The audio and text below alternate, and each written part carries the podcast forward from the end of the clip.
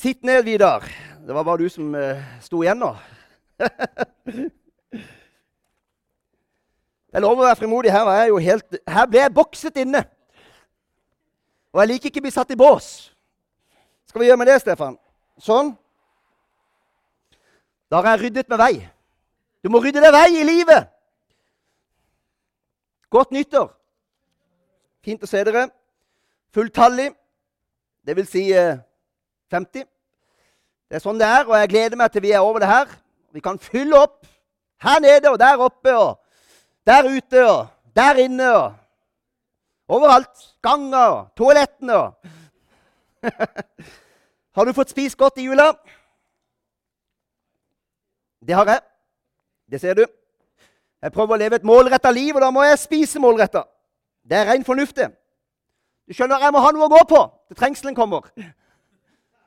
Skal vi se hvem som ler sist? Når man ikke har penger å kjøpe for, vet du, så har jeg noe å tære på. Det er viktig, vet du.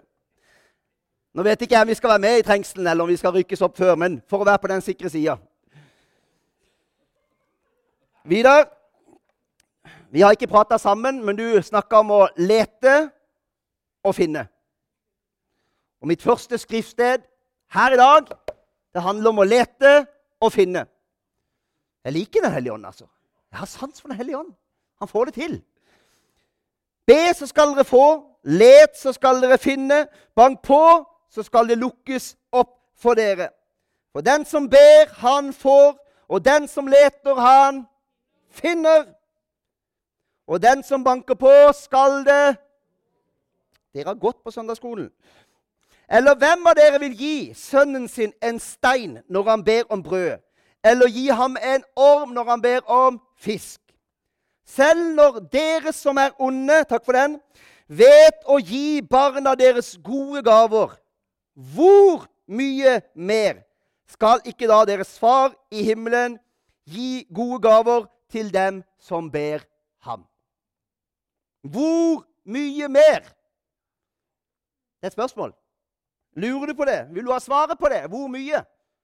Jeg har bare ett svar. Mye.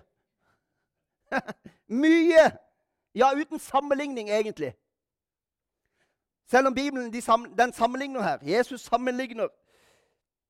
Men han, tar, han er full av nåde. vet du. Han tar det ned på et nivå så vi enkle mennesker kan forstå. Men, men det er uten sammenligning. Det jeg kan gi mine barn, om jeg gjør mitt ytterste i dette livet, så er det ingenting mot hans kjærlighet, mot hans nåde og hva han kan gi. Let, og du skal finne.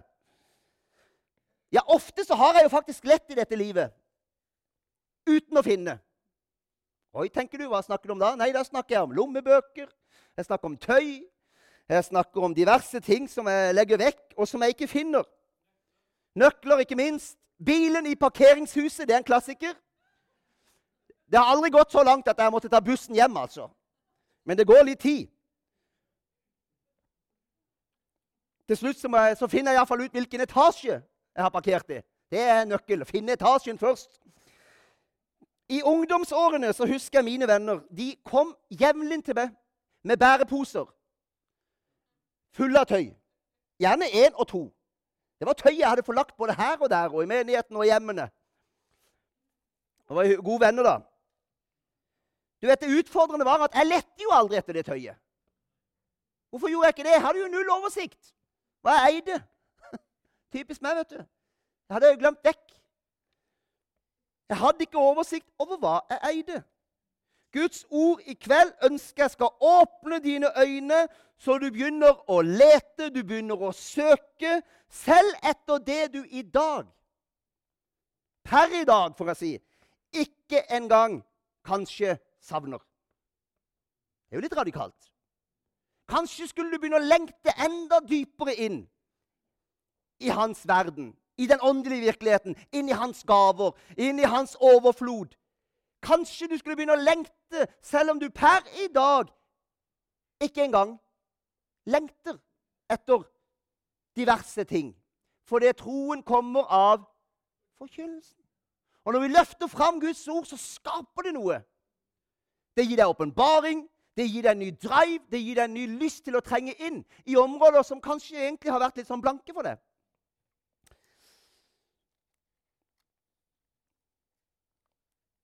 Verden prøver å love oss så veldig mye om sånn og sånn. Om bare. Så love, prøver verden å love. Det slår jo feil.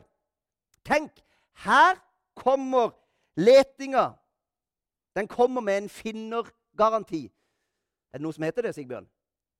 En finnergaranti. Hvem andre kan gi en finnergaranti? Da må du til der hvor du er ofte. Sørlandsparken, Dyreparken. Dyreparken der kan du gå i gullgravelandsbyen. Der er det gullgaranti. Der finner alle gull. Men hør, lei for å skuffe deg, det er ikke gull. Det er bare noe tull. Det er bare plast.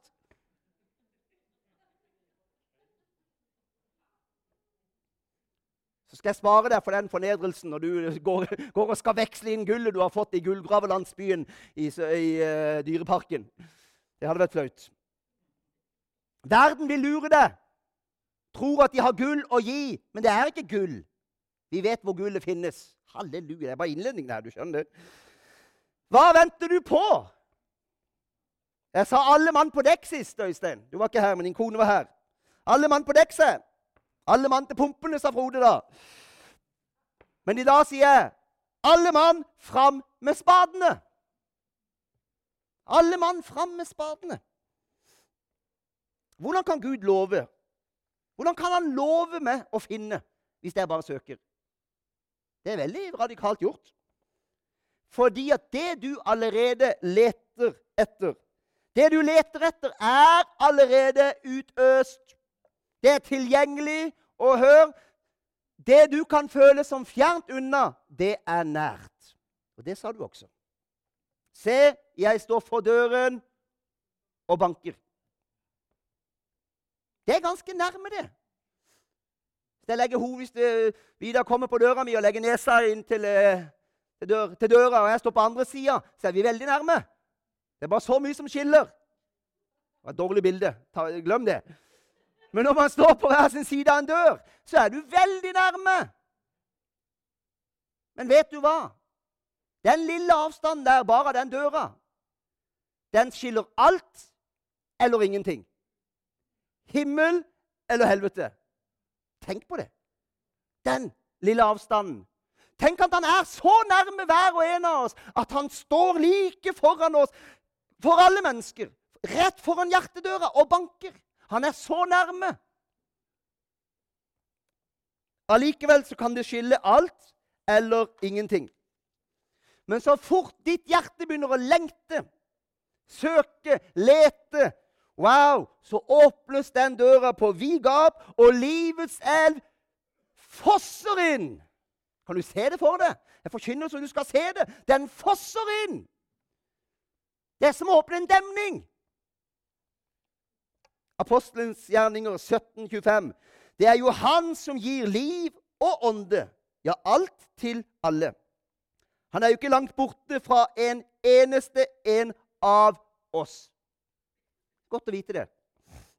Han er alltid nær. Så da kan vi jo slå det fast. Det står ikke på Gud om han oppleves fjern. For Bibelen sier han er nær.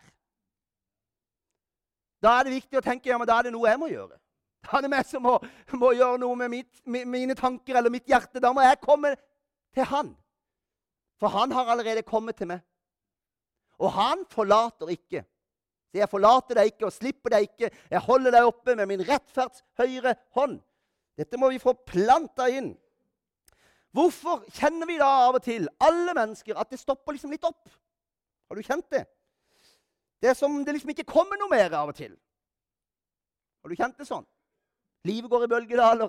Av og til så bare flommer over, og av og til er det litt ørken. Hvis han er en konstant giver, hvorfor kjenner vi det sånn? La oss bare slå fast den krana, den livets elv, den var demma opp. Kan du se for deg det var demma opp der? Guds herlighet var demma opp.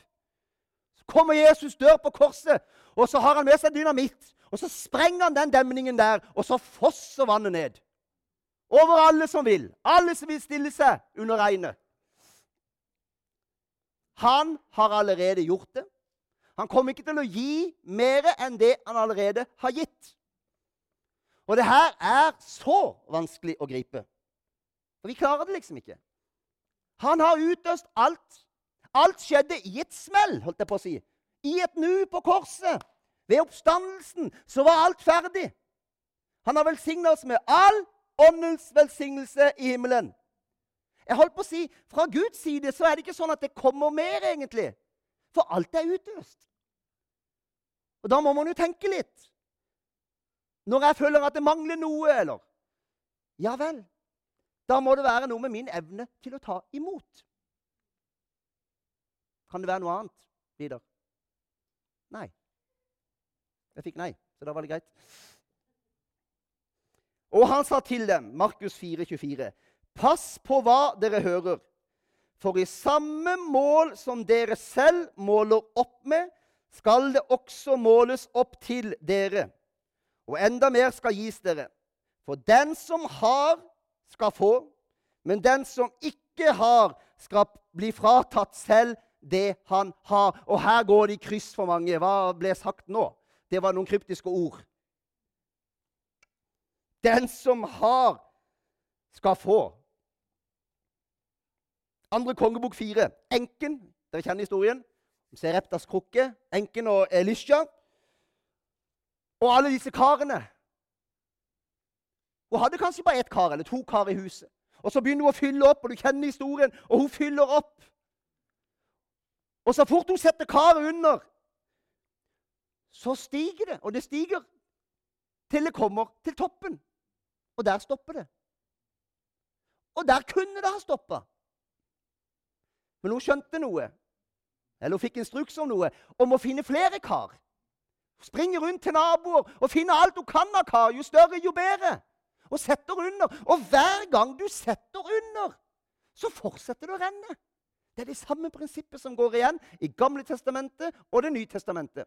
Det er det samme prinsippet som handler om å ta imot. Når du tror du har tatt imot mye, så er det et hav mer å ta imot. Når du syns du har gitt mye, så er det et hav mer å gi. Det er det samme prinsippet som fungerer for å ta imot som å gi bort. Gi, og du skal bli gitt. Det er det guddommelige vekstprinsippet.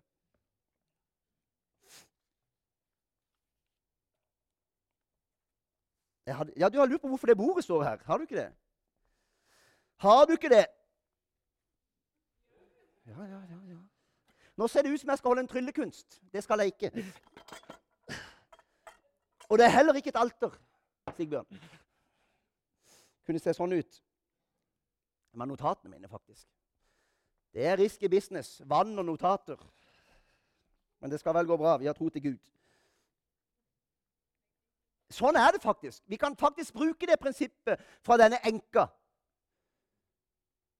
det er noe med denne kanna til Gud. Den er så enorm. Nå er ikke denne enorm. Den burde vært grønn og ikke svart. Men la oss ta utgangspunkt i at denne var kobla direkte til en, en, slange. da. Den kunne ikke gå tom. Sånn er det hos Gud. Han kan ikke gå tom. Den er ganske full, da. Og, og de bibelske prinsippene er så enkle og allikevel så vanskelige. Det er så lett å komme framfor Gud. Og kommer du med en, med en kaffe, liten kaffekopp Skulle hatt hjelp nå. Det må være dørgende stille. Så kan jeg love deg Den Oi. Skjelver jeg på hånda? Oi. Nei, i all verden. ja, men la meg bare si sånn. Hvis du kommer med en kaffekopp, så fyller Gud den til randen. Jeg vet det står noe om å være kildevelt som flyter over. Se bort ifra det akkurat nå. Vær i det bildet fra Serepta. Når den kommer til toppen Gud fyller helt opp. Det er ikke sånn at du kommer på en måte og begjærer, og du kommer med koppen din, så stopper han halvveis. Da går han mot eh, alle sine prinsipper og alle sine løfter. Han fyller opp den koppen. Men den var jo ikke veldig stor. Men det er litt opp til det, faktisk. Det er faktisk litt opp til det. Det handler om vekstprinsippene. Gud gir hva ditt hjerte behager og lengter etter. Vil du ha mye av Gud, så kan ikke han fornekte seg sjøl. Han kommer aldri til å gjøre det. Den, den, der strømmen fra himmelen er åpen døgnet rundt. Alltid. Så det, du kan bare ta et større beger. Er det ikke herlig? Hva skal vi gjøre med alt det vannet etterpå, Vidar? Vi kan ha dåp. Nei, det blir barnedåp. Det blir feil for oss. Vi tror på full neddykkelse her.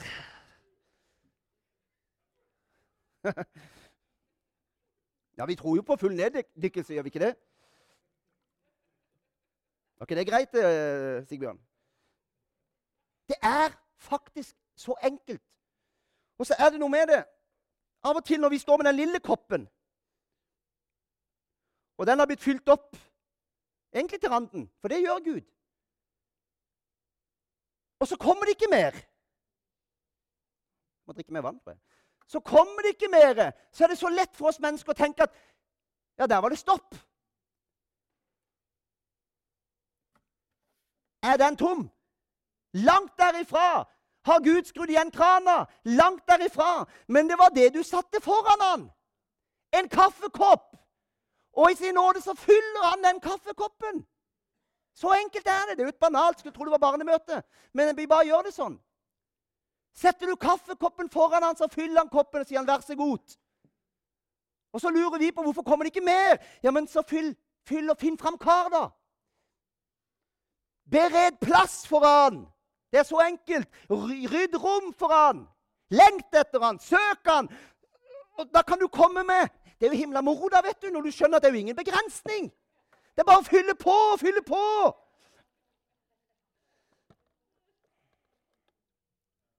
Nå må ikke jeg overdrive den her, for den, denne har sin begrensning. Men du skjønner bildet. Hvilken vil du velge, Roald? Vil du ha den? Ja, da tar du den, da. Så fyller du den opp.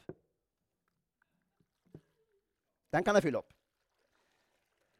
Nå må jeg stoppe liksom sånn, så ikke du tror det går tom, tomt hos Gud, for det gjør det ikke. Alle menneskelige sånne bilder de svikter på et eller annet tidspunkt. Det har alle som er predikant, opplevd. Hør, disse ordene står i forbindelse med beretningen om såmannen om såkornet som lander i forskjellig jord. Det er forbindelsen, det er konteksten. Noe lander eh, på steingrunn, blant tistler eller eh, ugress, kall det hva du vil, dårlig jord. Og noe lander i god jord. Noen tar gledelig imot ordet, så kommer livets bekymring, rikdommens bedrag. Så kan det være at du tenker jeg er, jeg er ikke så veldig bekymra, jeg er ikke så opptatt av rikdom, men det kommer et punkt til som rammer det òg og lysten til andre ting. Der tok vi alle sammen. Den kjenner vi alle på. Alt som drar i oss, alt som vi drømmer om. Det kan være egne motiver, egne drømmer. Det kan være hva som helst. Alt kan bli en avgud for oss. Alt som stjeler vår tid og vår oppmerksomhet, kan bli en avgud. Så alle kommer vi inn i dette bibelverset. Men godt ikke jeg brukte opp alt vannet.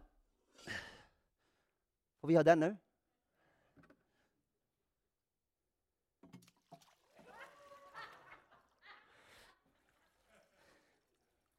Jeg fant ut, jeg har prekt så veldig mye seriøst og stått der dønn fast, så nå må jeg bevege meg litt. I hvert fall.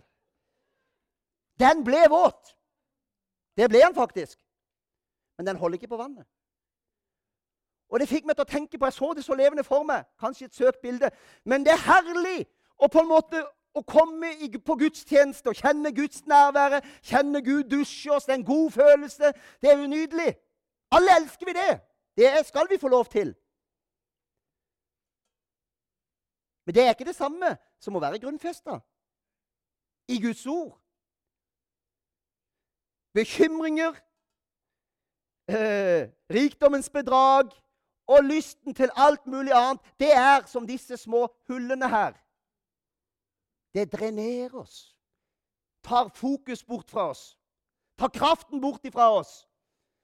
Og Du finner det her i så mange forskjellige versjoner i Guds ord. Om å bygge på fjell, om å eh, være men det ble for drøyt, følte jeg.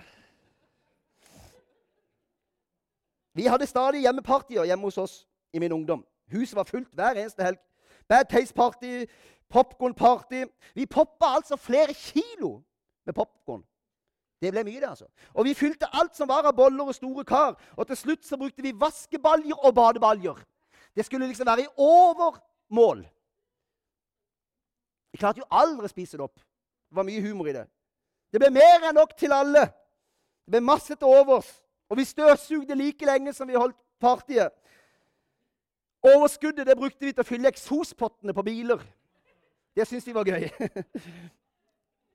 Det er veldig gøy når du starter opp, da.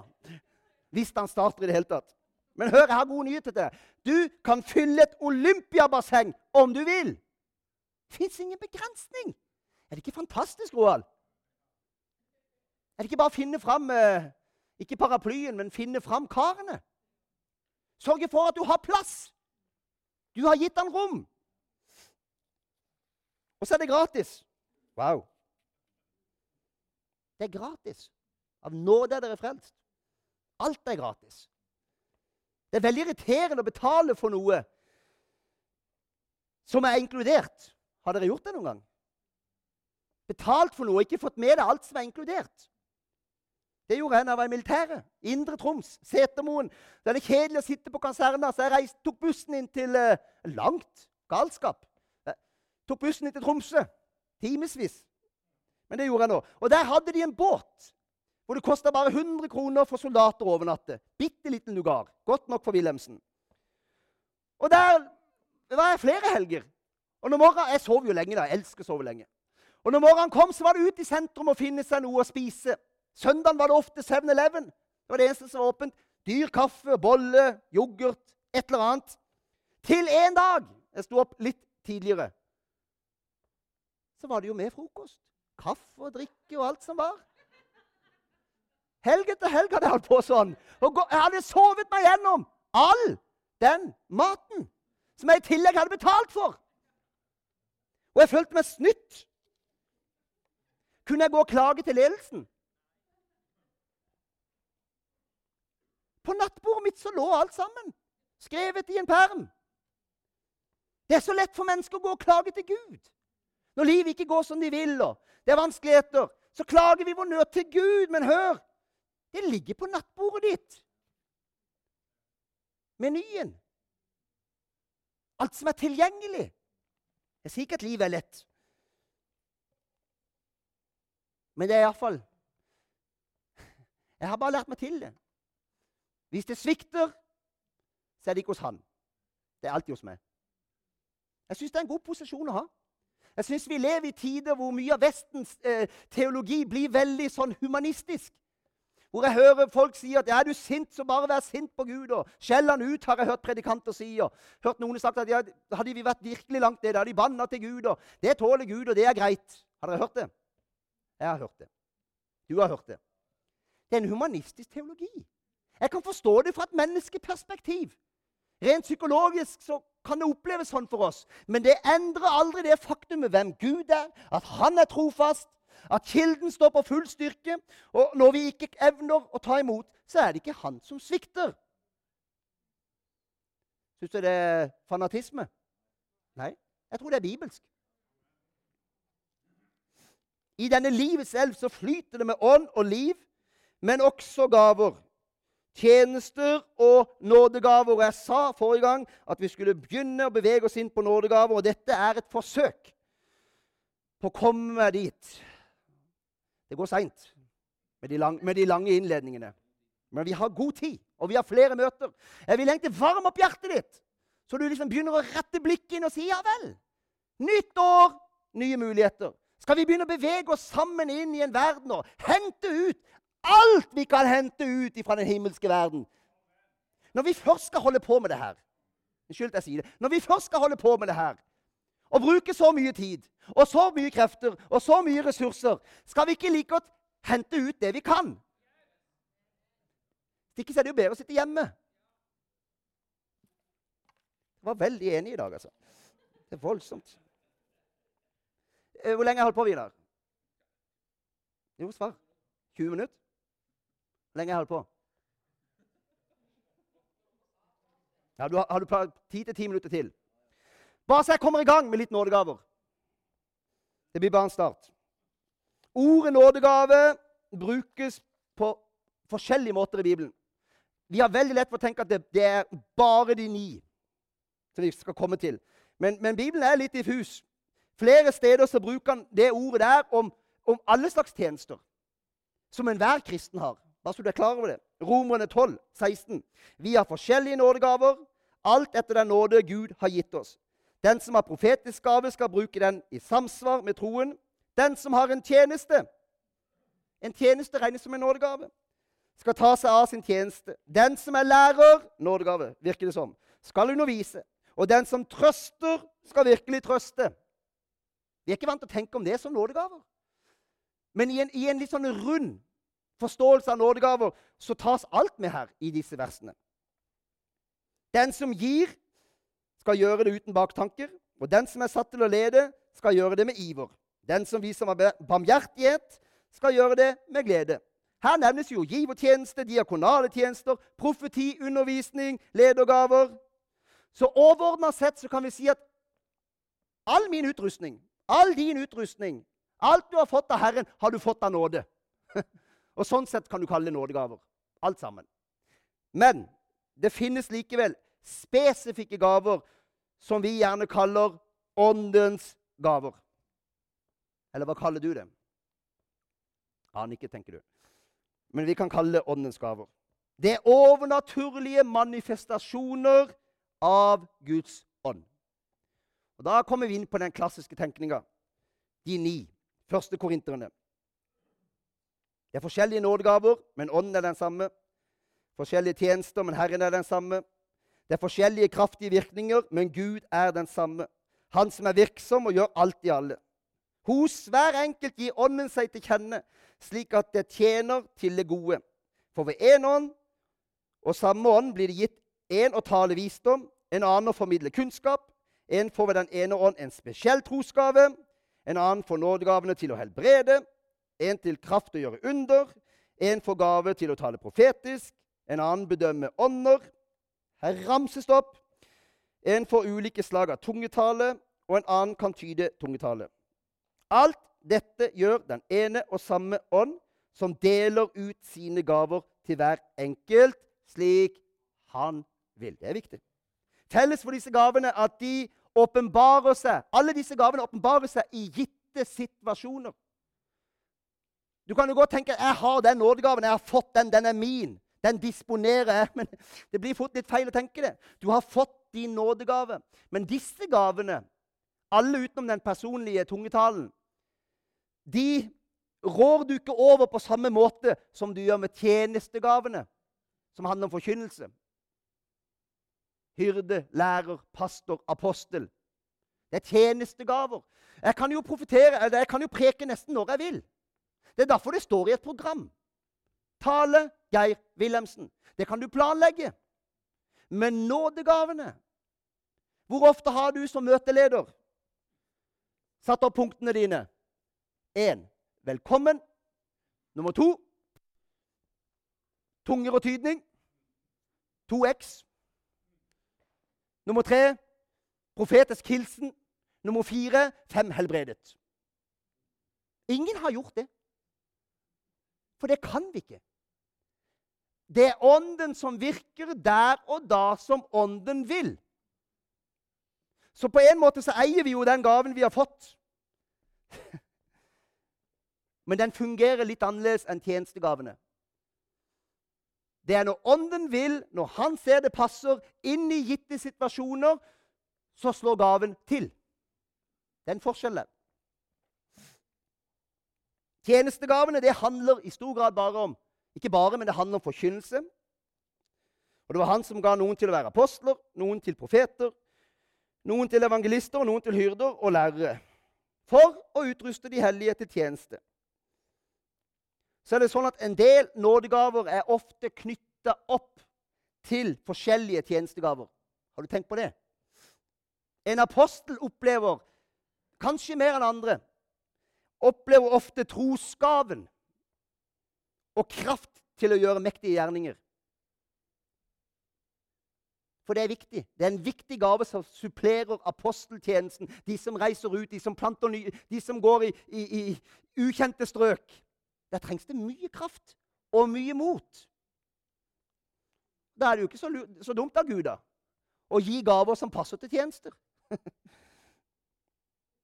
Med stor tålmodighet har jeg gjort en apostels tegn, står det, blant dere.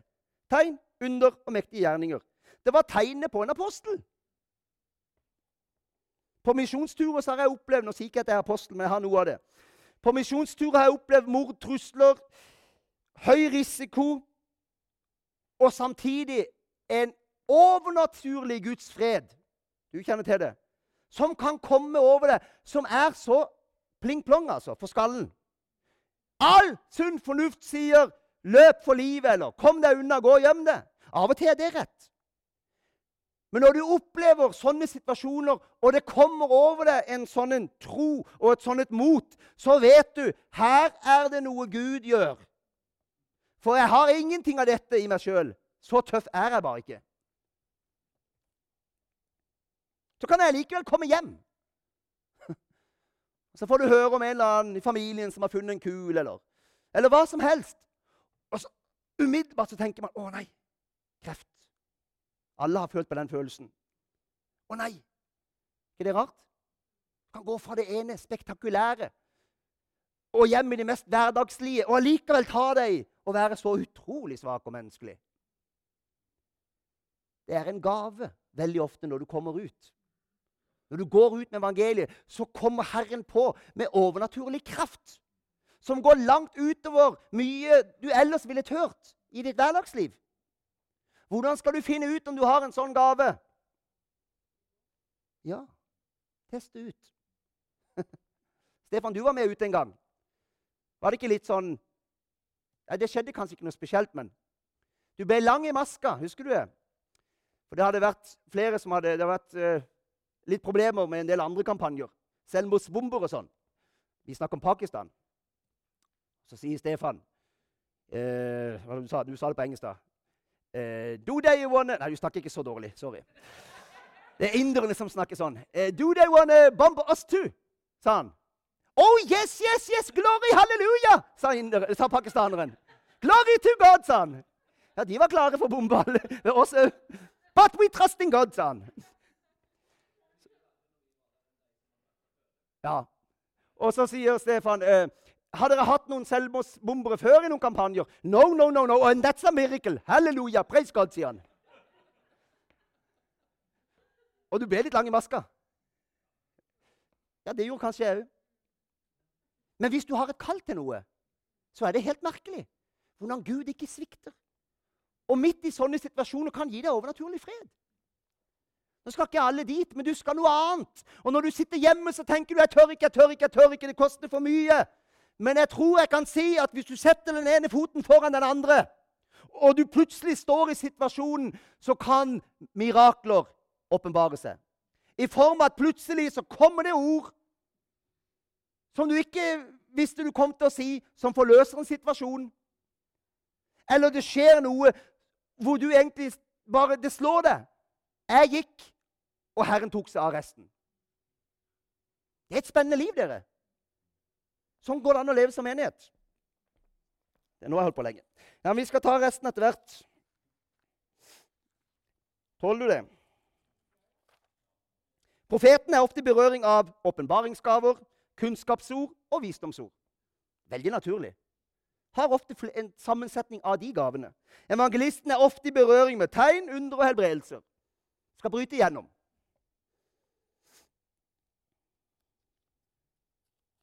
Kom, lovsangere.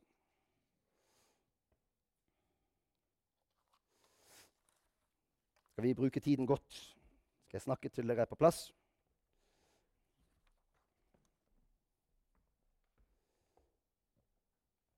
Fikk du noe ut av det her? Ja. vi skal gjøre det litt mer strukturert neste gang.